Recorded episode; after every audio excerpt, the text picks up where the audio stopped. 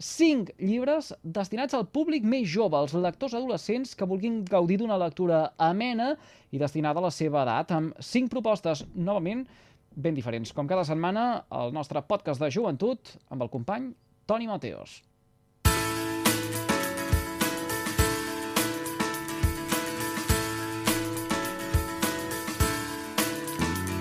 Les millors recomanacions de la literatura juvenil. El que no veus, de Maria Ripoll. Llibres del delicte. Maria Ripoll és una de les autores molt joves, nascuda el 1999, que s'incorporen a l'editorial Llibres del delicte, en el seu vessant de delictes juvenils. En aquest cas, és l'autora de El que no veus, i continua l'opció de l'editorial per acostar la literatura criminal als més joves de casa i donar pas a una nova fornada d'escriptores. L'Elisabet marxa a Roma a estudiar l'últim curs de l'institut i està decidida a viure un any ple d'aventures i emocions, però aviat descobrirà que l'experiència no serà com ella esperava. La seva família d'acollida amaga un secret important. Enmig de noves amistats, del primer amor i de la convivència familiar complexa, l'Elisabet es veurà obligada a resistir i a sobreviure mentre descobreix una ciutat com Roma, encantadora per als visitants, però complexa i lluny dels seus quan es troba amb problemes.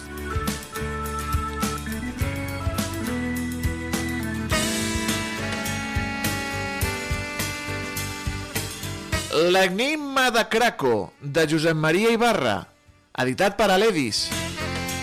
Aledis és una editorial amb poc més d'un any de trajectòria que ha publicat el nou llibre de Josep Maria Ibarra.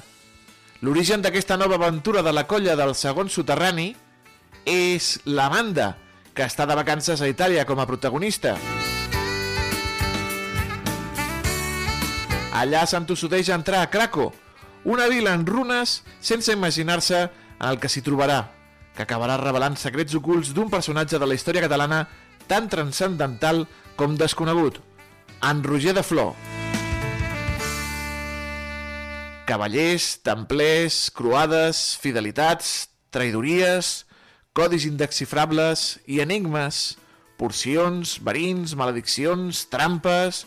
es mesclen en aquesta odissea que situarà el lector a cavall entre dues èpoques que, sense saber-ho, es vinculen irremeiablement i que podrien explicar dos misteris irresolts.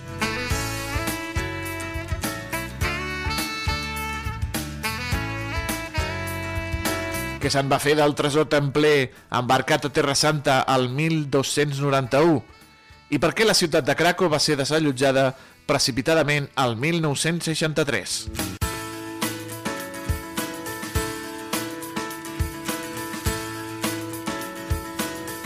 Secrets de Francesca Rodríguez.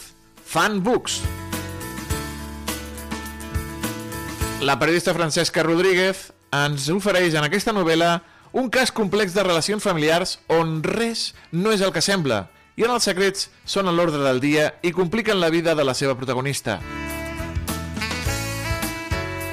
L'Anna és una adolescent de 15 anys amb poques habilitats socials, que torna a casa després d'aconseguir escapar-se a través d'un bosc d'un segrestador que aparentment l'ha tingut retinguda uns quants mesos dins d'un soterrani.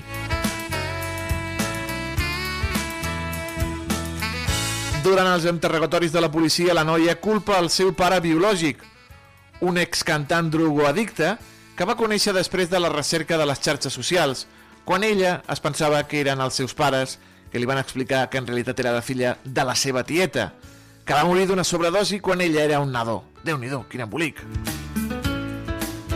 D'altra banda, hi ha una periodista amiga de la mare de l'Anna que ha seguit el cas del segrest i l'ha convertit en un espectacle mediàtic i el Guille, un amic de l'institut de qui la noia està enamorada, que és qui l'anima a buscar el seu pare biològic.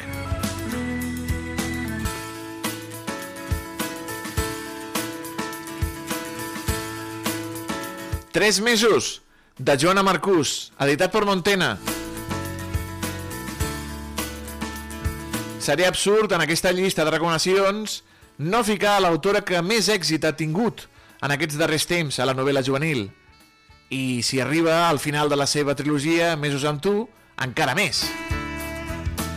La mallorquina Joana Marcús, nascuda l'any 2000, va començar publicant les seves històries a la plataforma Wattpad, de què era adolescent i ara, 10 anys després, és una de les autores amb més èxit del moment amb les seves novel·les romàntiques juvenils.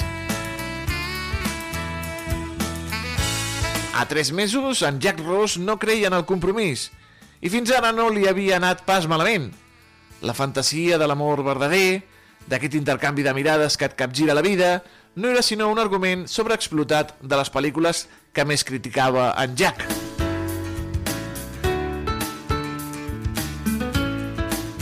Per això, què hi feia que hagués conegut a la Gina? Què importava si passaven tant de temps junts? Què hi feia si, a poc a poc, li anava obrint el cor? I sobretot, què importava el risc que es trenqués?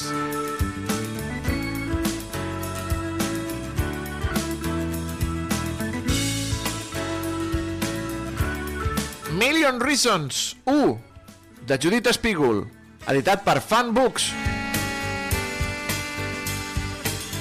L'altra gran novel·la sorgida de la plataforma Wattpad, en aquest cas a càrrec de la jove Judith Spiegel, nascuda al 2002, que ens ofereix un munt de pàgines de la primera part de la sèrie que ja ha aconseguit molts lectors en català a la plataforma i que ara passa a format de paper de la mà de Fanbooks.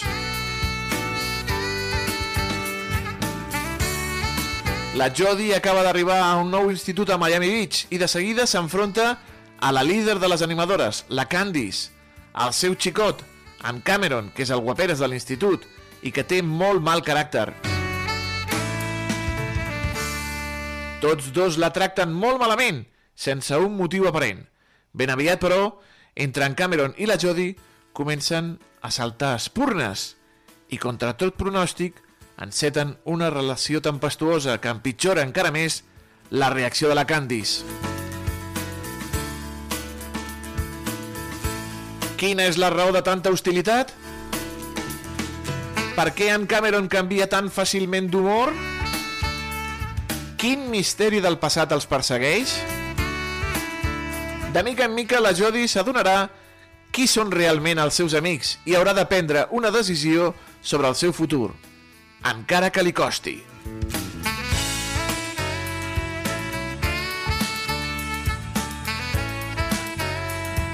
Aquestes són les nostres 5 recomanacions des del podcast de joventut del carrer Major.